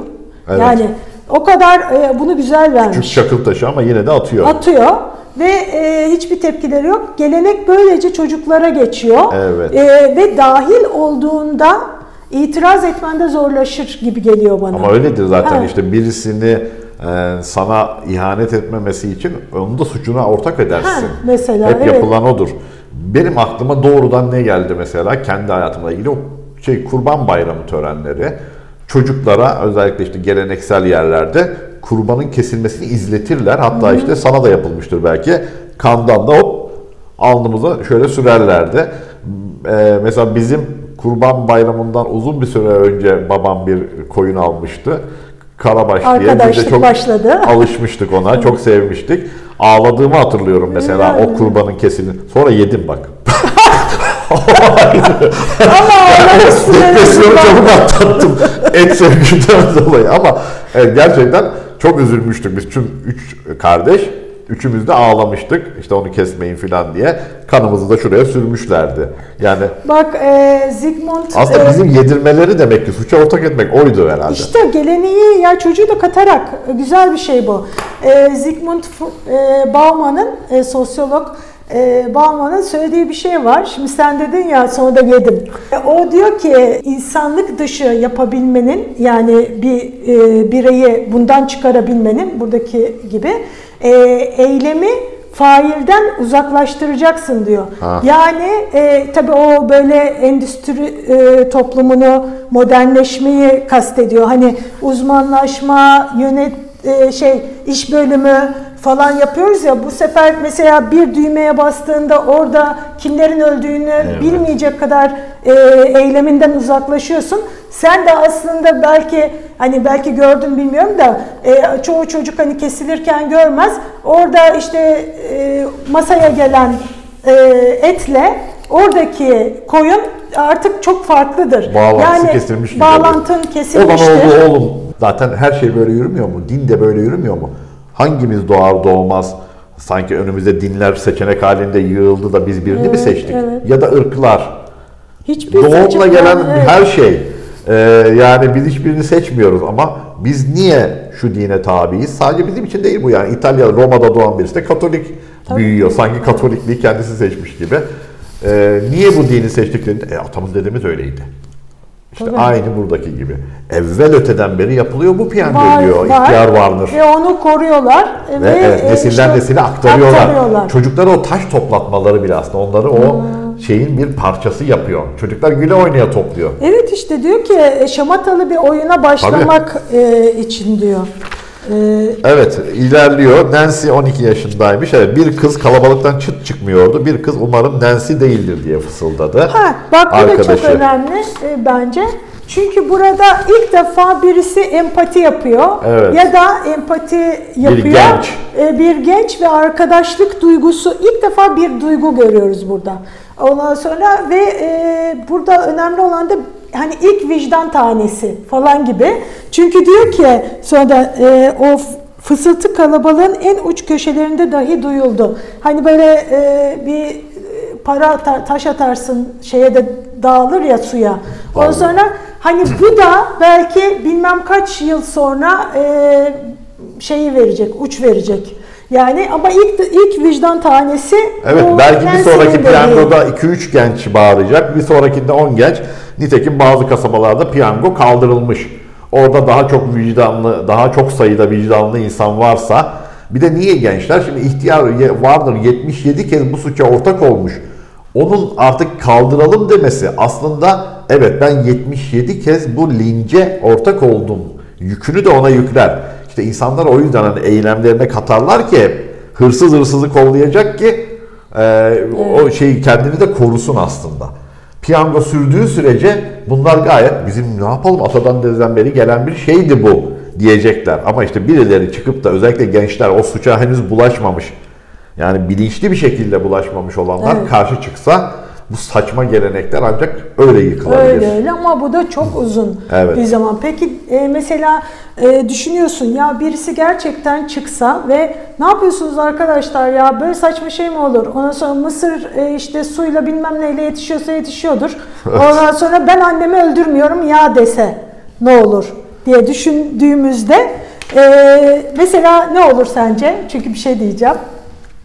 Şimdi piyangoya baştan katılmıyor olsa mesela Hutchinson'lar. Dedi ki Hutchinson geldi Bay Hutchinson. Biz piyangoya katılmayacağız dedi. Warner gibiler çok tepki gösterir ama sonucu bu kadar ölümcül olmaz bence. Yani diğer bazıları da katılır mı? Tabii. O isyan, itiraz edene. Hiç ona dair bir emare yok burada. Yok yok burada e, Ya, mutlaka katılır ama. he. Mutlaka katılır. Şimdi şeyden e, şeye getireceğim lafı da 1996 yılında Daniel e, Sekheim'in yönettiği bir uzun film daha seyrettim ben bununla ilgili. Bu da enteresan. Burada güya bu kasabada her şey aynı olduğunu düşün. Burada bir kadın taşlanırken kocası üstüne kapanıyor. O kocayla başlıyor olay ve bunun da bir yetişkin oğlu var.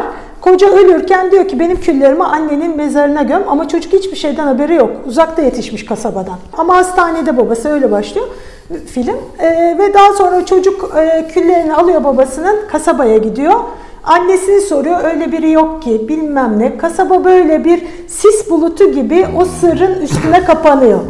Sonra çocuk e, e, yani çok güzel bir film değildi ama hani bu e, tartışma için iyi. Ee, sonra çocuk e, şey yapıyor e, bu delikanlı. Oradan bir kızı da seviyor. Hani aşk değiştirir mi bazı olayları falan. O da olmuyor. Çocuk sonra e, bunlarla mücadele ediyor, anlıyor. Kasabada mezarlığa gidiyor. 27 Haziran'da herkes ölmüş. Çoğunluk. 27 Haziran'da. Buradaki gibi mi? 27 Haziran mı? Tabii buradan piyango ismi. Ha, e, şeyin. o da oradan uyarlanma yani. Evet oradan uyarlanma ismi piyango zaten. Ee, Shirley'nin Aa, hikayesinden. Ama pardon ya gerçekten bu kasabanın mezarlığında kaç tane 27 Haziran çok ölümlü var? güzel evet. Çocuk şöyle ışığı bir tutuyor. Her mezarlık 27 Haziran ve şoka Çok giriyor. Bu ne falan. evet. Annesi de öyle. Sonra bu çocuk işte kurtulmaya çalışıyor. Bir polis memurunu öldürüyor. Kaçıyor kasabadan. Başka bir polis memuruna gidiyor. Bir kasabanın herhalde. Bunları şikayet ediyor. Ben de diyor bir polis memuru öldürdüm. O polislerle geliyor kasabaya. Ve herkes inkar ediyor. Yok ki öyle bir şey. Biz hatırlamıyoruz. Bu çocuk işte şöyle böyle. Sonra o polis memurları diyor ki e, kahramana e, seni bir psikiyatrla görüştürmek istiyoruz. Ondan sonra ve çocuğu e, bir psikiyatrla görüştürüyorlar. İçeri giren psikiyatr da babasının psikiyatrı olduğu ortaya çıkıyor. Yani hani şöyle düşündüğümüzde sistem mesela burada da bir bürokrasi var aslında şeyde e, öyküde. Ne diyor mesela posta memuru Evet. resmi yemin ederek başlıyor diyor. Hani bir bürokrasi, bir resmi durum var. Tabii tabii burada Evet. bir mevzuatın mi? zaten hissediyoruz. Kimse var. yasaya Ha. aykırı bir şey yapıyor Yok. gibi değil burada. O yüzden de hani e, gerçekten bir şeylere itiraz etmeye başladığında ya anarşist olursun toplum tarafından ya deli. E, mesela kadınlar deli olur daha çok. Cadı. E, cadı olur. İşte anarşist olur. İşte e, neyse ideolojik Terörist olur, yaftalamalar, ne terörist olur. olur. E, o yüzden de hani gene kurum kendi e, oluşturduğu işte tutsak etmelerle onu da bir hastaneye kapatıyor. Koruyor yani kendini. Koruyor, kendini koruyor yani. Çünkü Hani kurumsal- o da o bakımdan güzeldi. Hani Evet güzelmiş. toplum değişir mi? Çabuk değişmiyor işte. Kendini koruyor. Ama öyle yani toplumlar kolay değişmiyor neticede. maalesef. Kurumsallaştığı için. Kalabalıktan çıt tutmuyordu. Bir kız umarım Nancy değildir dedi. Nerede o eski günler diye bu iğrenç ihtiyar vardır duyulacak bir sesle. Nerede o eski insanlar dedi.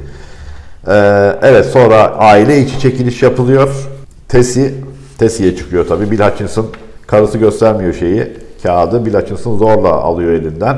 Üstünde siyah bir daire olduğunu gösteriyor burada. Pekala millet dedi Bay Summers. Bir an önce bitirelim şu işi. Sanki hani Ya. ba- basit bir şey yapacaklarmış. basit. Ne bileyim parti yapılmış. Hadi şu evi de temizleyip çıkalım artık. Evet, öğle yemeğini Filan gibi. yiyelim diyorlar Evet. yani. O kadar araya sıkıştırıyor. Yani kasabalılar töreni unutmuş, ilk siyah sütüyü kaybetmiş de olsalar taş kullanmaları gerektiğini hala hatırlıyorlardı. Bu da güzel bence. Yani o törenin birçok şeyi atlanıyor başta dedim ya. Ama sonunda taşlayarak bir insanı işte linç etmeleri gerektiğini unutmuyorlar. Unutmuyorlar. Çocukların önceden yaptığı taş yığını hazırdı. Bayan Delora Delacroix öyle büyük bir taş seçti ki bu da ince insafsızmış. Kaldırmak için Evet, iki elini kullanması komşusu. gerekti. Tabii bu öyküde insanı şeyde bırakan da e, bu geleneğin neden sürdürüldüğüne dair hiçbir ipucu vermemesi. Yani evet bir işte Mısırlarla ilgili bir şey var ama emin değiliz. Bu sadece bir söylence de olabilir. Bir kronoloji belirtmek Ama için de mit olabilir. işte ya. Ee, geleneklerin İşte ama hani değil mi? tanrılara kurban ediyoruz ki işte havalar düzelsin filan gibi. Buradaki o amaçsızlık da Ha, e, korkutuyor değil mi? tabii korkutuyor. Adorno'nun şiddetsiz nefret diye bir tabiri var. Çok severim onu. O bunun en korkutulacak, en korkulması gereken şiddet türü olduğunu söylüyor. Yani örneği de o tabii İkinci Dünya Savaşı'ndan çok etkilenmiş. O da Yahudi asıllı Amerika'ya kaçıyor. Ee, Nazi askerlerinin örneğin işte bu Yahudilere şiddet uygularken hiçbir şey hissetmediklerini söylüyor. Kötü bir şey yani. e, hatta daha sonra bazı Nazi askerleri yargılanırken şey diyorlar yani e, mesela diyorlar o çoluk çocuğu gaz odasına sokuyordunuz. Ne hissediyordunuz? Hiç diyor. Hiçbir şey hissetmiyorduk. Düşünmüyor çünkü. Evet yani bir şiddet ne bir nefret de duymuyor o çocuğa ya da işte gaz odasına soktuğu Yahudilere karşı.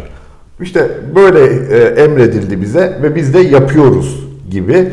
Burada da bir nefretsiz şiddet var. İnsanı korkutan da o. Yani nefret eyleminden kaynaklı bir şiddetin bir dayanağı vardır.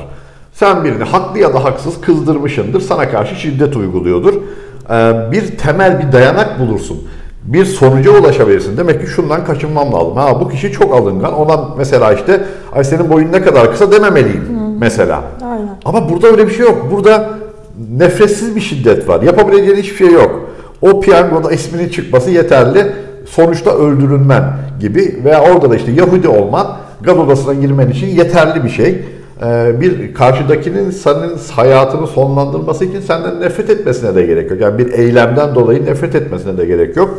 Burada bu sonuçsuzluk, bu amaçsızlık da insanı iki defa, ikinci defa tedirgin eden bir şey gibi geliyor bana. Ya gotik edebiyat hani 17 18. yüzyılda ilk e, mesela ilk roman e, Frankenstein'lar, Drakula'lar hani şeyle başlıyor ya doğaüstü güçlerle. Vampir, e, işte cadı e, ya da lanet bir yerden geçmişten falan. Ama 20. yüzyıla geldiğimizde görüyoruz ki e, kişinin korktuğu şey aslında e, kendi içindeki e, ahlaki kötülük. Yani kötülük ve ego. Yani bu e, korkutan şey de bu. Senle yemek yiyoruz şimdi. Bunu okuduktan sonra e, ne zaman ne olabilir ki e, belki de Ufuk da bana bir şey yapabilir. Yani bunun önünü kesemediğin Evet mi? işte, ha. Ondan sonra Sebebini bilmiyorsun. Sebebini bilmiyorsun. Tamamen o insanın ahlak e, de, ahlaki değerlerine ve e, seçim yapabilmesi yeteneğine, seçim yapma yeteneğine, e, sorumluluğu üstlenip üstlenmeyeceğine yani tamamen içe odaklanıyor Gotik'te. Savaş bittikten sonra Kudüs'te Ayman Nazi subayı yargılanırken e, psikologlar, e, psikiyatristler işte onu e, bakıyorlar. E, hani bu vahşetin içindeydi. Hani deli mi, akıl sağlığı yerinde mi değil mi? Çok normal bir insan olduğu, e, ondan sonra ve e, çevresi tarafından da sevildiği, e, hatta savaş bittikten sonra bu gibi subaylar da mesela gidiyor çikolata fabrikasında müdürmüş. E, orada devam ediyor. Yani bu kadar katletmiş falan filan e, çikolata fabrikasında müdürlüğüne devam ediyor. Yani e, Arendt, e, Hannah Arendt de buna dair bir rapor hazırlan, hazırlıyor. Ses getiren o ve kavramı bulduğu işte kötülüğün sıradanlığı. E, aslında hepimizi korkutan ve bu hikayedeki de bu. Sıradan insanların bir gün canavara dönüşebileceği hani. E, o da e, buna baktığında diyor ki yani e, Ahman gayet normal bir subaydı, normal bir insandı. E, sadece itaat e, itaat etti, düşünmedi. E, eylemlerinin e, nereye varacağını hani düşünerek karar almadı. Yani düşünmek de sadece bir şey değil. E, karar almak, seçim yapmak durumundasınız. O aklını başka bir güce, otoriteye teslim ediyor, itaat ediyor. Ve mesela e, şey çok güzel söylüyor Arendt. E, önce diyor bir insanı e, bu hale getirebilmek için e, yani onu değersizleştirmek bir bu hikayede de taş atılanlar bir süre sonra kukla gibi. Yani hani böyle çocuklar taş atıyor, kocası taş atıyor. Ancak bir kuklaya atabilirsin yani. Ondan sonra e, kukla yapabilmenin şeyi diyor. Önce siyasi ve hukuki kimliğinden Arındırmak. arındıracaksın.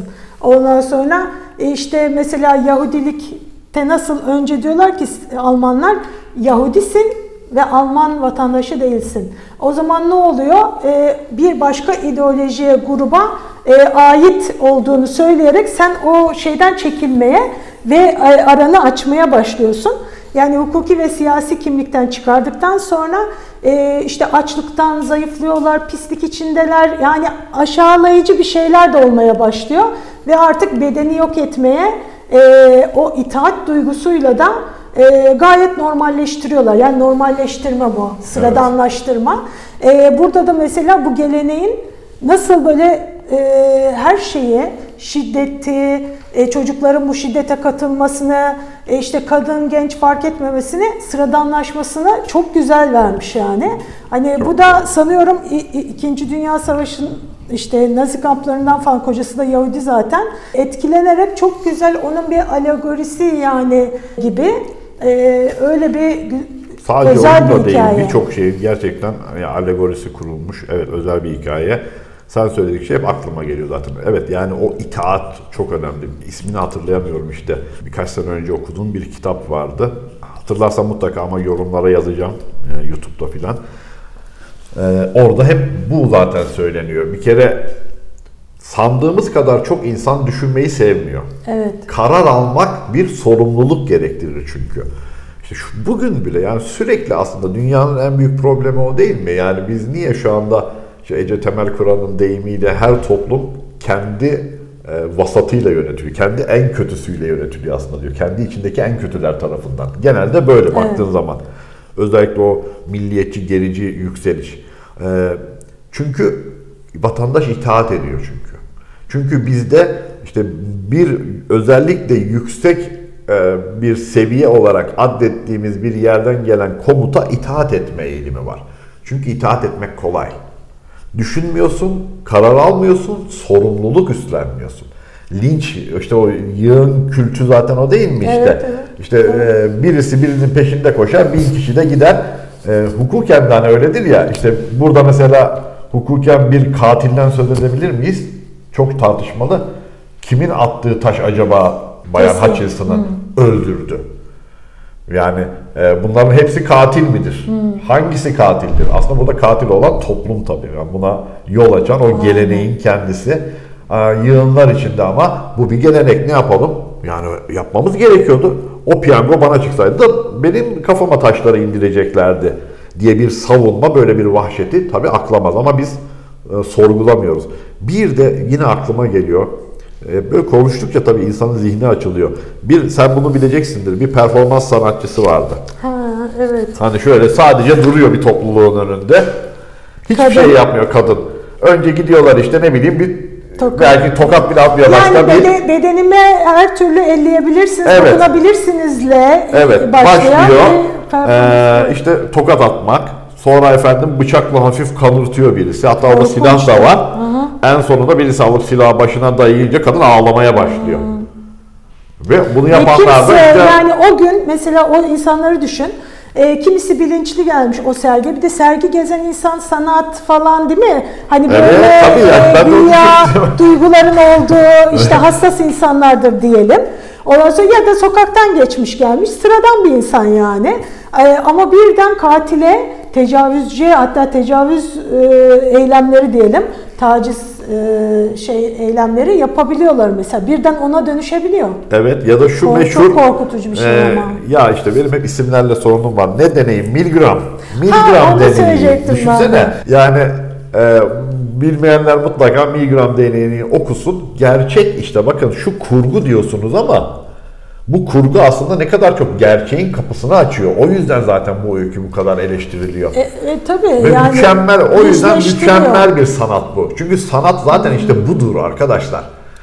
Günümüzde ne yapıldı? Sanat toplumdan o kadar uzaklaştırıldı ki mesela şeyde Bedrana'nın yazarı niye Said Faik öykücülüğünü eleştiriyordu? Çünkü işte hani o küçük insanın öyküsü. Hiç topluma, toplumsal şeylere bulaşmaz böyle. Akmaz, kokmaz. O onu sevdi. Ah ayrıldılar. O iç bunalımlar, çelişkiler falan çok güzel de bak ne haldeyiz aslında. Ondan ona eleştiriyor. Tabii ki o da lazım. Ben Said Faik'i çok tabii, seviyorum. doğru. O ayrı mesele ama sanat toplumdan uzaklaşmadığı bu bir ölçüde. tokat atan. Evet, bu hem tokat de atıyor farklı insana. bir türde tamam mı? Bazıları içi, e, hikayenin içine giremez bile. Hani sevmeyebilir bu türü. Ama e, farklı bir türde ama tokat atıyor. Sonra işte o düşünmemeyi eleştiriyor ya, düşündürtüyor seni. Evet. Öyle bir çok güzel bir işlevi Ama işte var. bu, bak biz de burada düşünüyoruz. Mesela biz işte arkadaşlar programdan önce öyle Aysun'la hiç konuşmuyoruz ama bunu da bilerek yaptığımızdan değil yani. İşte geliyoruz konuşurken insanın aslında aklına geliyor. İşte o Milgram deneyi tam bir vahşet. Onu kısacık bir söyleyelim. Burada bir e, şey, şöyle bir sistem oluşturuyor deney yapan e, Üniversite. bilim adama üniversitede. İlan veriyorlar gazeteye. E, işte bir deneye katılacaksınız. E, işte bir sürü başvuru oluyor ama diyorlar bu deneyi başarsanız, bak burası çok önemli, başarsanız da başarmasanız da paranızı alacaksınız. Yani terk etseniz de terk etmeseniz de paranızı alacaksınız. Bir tane de yandaşı var yani rol yapan e, bir öğrenci pozisyonunda birini o da muhasebeciymiş. Ondan sonra onu getirtiyor. E, burada da deneye katılanlara da diyor ki siz kelime öğreteceksiniz bu e, kişiye. Eğer kelimeleri yanlış hatırlarsa e, elektrik vereceksiniz. Bir düğmeye basıp e, o deneye bir şey- şeyler bağlanıyor, elektrotlar. E, işte 45 volttan başlıyor 450 volta kadar. 45 volt en düşüğü ve e, gelen deneyi yapacak olan kişilere de 45 voltun ne olduğunu gösteriyor. Ondan sonra e, diyor ki işte başlatıyor. E, sen öğretmensin diyor o öğrenci. E, işte bu soruyor kelimeleri. Bilemedi mi 45 voltu veriyor. Şey var ama orada değil mi? Bir de yani deney gözlemcisi var. Bir şey bilim adamı görünüyor. Bilim adamı var, otorite- otorite var ha, orada, Otorite tabii. var. Ha, otorite o de var. önemli. Aslında o çok önemli. Tabii güveniyor şimdi. Hani doktor önlüğünü ya da laboratuvar önlüğünü giymiş. Yanında Tabii. bir bilim adamı var. E, deneyi anlatıyor. Ben diyor üniversitede deney yapıyorum falan filan. Bir otorite var yanında ve diyor ki böyle böyle yapacaksın. E, öğren öğrenecek böyle böyle diyor. Bu işte bilmedi mi 45 Tabii volt. bu arada gerçekten elektrik verilmiyor. Tabii. Karşı taraftakini görmüyorlar. O elektrik alınca aa filan canı yanmış Evet, gibi yapıyor, ses rol çıkarıyor ama yapıyor. rol yapıyor aslında. Ondan sonra bunu e, görüyor ki deneyde voltajı 300 volta kadar arttırabiliyorlar. Ve e, çoğu da tereddüt etmeden, Evet. tereddüt etmeden Sadece o otorite evet yanlış bildi bas düğmeye dediği için evet yapabilirsin. düğmeye bası veriyor Ve yani. senin görevin öğretmenlik dediği için yani ona bir Evet, görev heh, verdi. bir rol veriyor. Bir rol verdi. Ondan sonra e, çok az kişi tereddüt ediyor. Daha sonra mili, e, Milgram şey yapıyor. E, mesela eğer orada itiraz eden biri olsaydı ne olurdu? Ondan sonra onu da katıyor deneyine. İtiraz eden biri olduğunda e, bırakanlar daha çoğalıyor ama götürenler de var. Burada e, Ama birinin çıkan öncülük yapması yine de işe yarıyor işe demek ki. yarıyor. Bunun gibi bir tane bir deney daha var. Stanford deneyi olarak biliniyor. Hapishane deneyelim mi diyorsun? Evet, hapishane deneyi. Mesela orada da Mahkumlar ve Evet, cezalılar, ha. şey gardiyanlar ama diye. hepsi senin Hepsi- benim gibi Tabii, adam, tabii. e, insan e, çağırıyor e, bilim adamı. Onları rol veriyor. Sen mahkumsun, sen şey. E, deney sadece 6 gün sürebiliyor. Çünkü hepsi zıvanadan çıkıyor. E, yani Mahkumlar isyan ediyor, Mahkumlar- gardiyanlar şiddet uyguluyor. Mahkumlar akıl sağlığını kaybedenler var hani is- e, çıkmak Doğru. istiyor ikinci günde. E, gardiyanlar korkunç işkenceler yapabiliyor. Hatta yargılanıyor sonra birisi. E, hatta e, o e, sonra soruyorlar işte ya diyor nasıl hani bu role girdin? Yani gardiyan rolüne böyle korkunç bir şekilde. E, filmlerden diyor, şimdi kültür bu, akıyor yani filmlerde yapılan o gardiyan hani kötü e, gardiyan işte bunu film kültürel bir akış. Bu da hikayedeki de kültürel bir akış. E, oradan etkilendim, onu yaptım diyor. Yani. Ondan sonra ya bu kadar he, iblis etkisi diyorlar buna. Yani küçücük bir etki e, ve seni e, canavarlaştırıyor. Güya e, işte az önce yemek yani yiyen iyi bir işte insandın. insan böyle şeyleri duyunca tabii bir de e, Philip Shutherland'ti galiba. İrrasyonel diye bir kitabı vardı. Onu da çok beğenirim. Ya insan gerçekten rasyonel bir canlı değil. Değil. Birçok ortamda, birçok durumda rasyonelliğini çok çabuk kaybedebiliyor. Ee, insan o kadar herhalde tahmin ettiğimiz kadar iyi bir canlı da değil. Kimisi de çok iyi ama çok kötüler de var. Ama sanki en büyük problem bana körü körüne itaat gibi geliyor. Evet, Sorgulamamak. korkunç. Evet. Sorguladıkça çünkü kendini geliştirme ihtiyacı da hissediyorsun. Bir şeyin seni rahatsız ediyor. Neden rahatsız ettiğini bulma ve ona nasıl karşı çıkacağını aslında belirleyebilmek bir birikim, bir irade, bir bilgi gerektiriyor. Ee, o yüzden hani e, karşı çıkmak, muhalif olmak değerlidir bir şeylere. Çok, Körü evet. körüne itaat etmemek. Burada hiç karşı çıkan, itaat etmeyen birisini göremiyoruz. Yok, kimse Belki yok. evet burada böyle birkaç figür olsaydı, mesela 5 aile olsaydı, ona da 15 aile daha katılsaydı büyüyecekti bu. Ee, katılanlar diyecekti ki o zaman bizim günahımız ne? Belki piyango o zaman çıkan kişi isyan edecekti. Kardeşim onlar katılsaydı onlara çıkacaktı diye vesaire. Hop. evet. Belki de birkaç sene içinde o piyango ortadan kalkacaktı. Ama işte herkes e, buna e, gizli de olsa rıza gösterince böyle 77 yıl ihtiyar vardır. Hatta daha öncesinden Tabii daha öncesinden gelenek.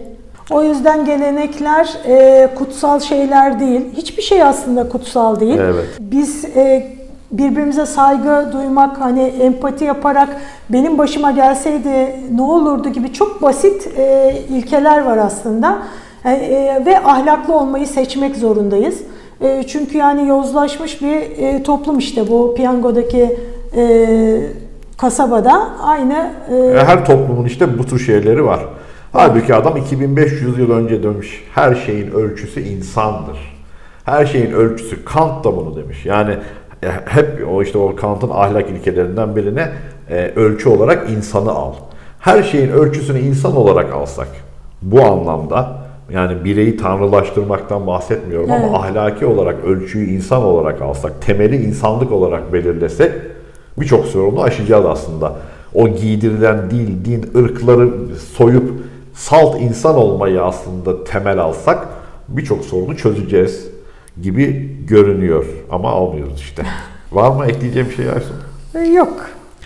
Evet arkadaşlar, edebi derinliği belki önceki öykülere göre daha zayıf olsa da e, müthiş bir finalle insanı gerçekten çarpan, çok fazla düşündüren bir öyküyü işlemiş olduk. Shirley Jackson'ı da bu vesileyle anmış olalım. E, şeyi tekrar hatırlatayım. Eser Piyango ve Diğer Öyküler adıyla Siren yayınlarında. Ben Beşiktaş'taki Mephisto'dan aldım. Son kitaptı ben aldığımda. Ee, ama internetten vesaire alabilirsiniz. Ee, Tepedeki Evde yazarın yayınlanmış diğer romanı. Ee, yine çok güzel bir programdı Evet. bana kalırsa. Biz çok keyif aldık. Evet, bir sonraki e, programda e, yine etkileyici, güzel bir öyküyle karşınızda olmayı umuyoruz. Hoşçakalın. Hoşçakalın.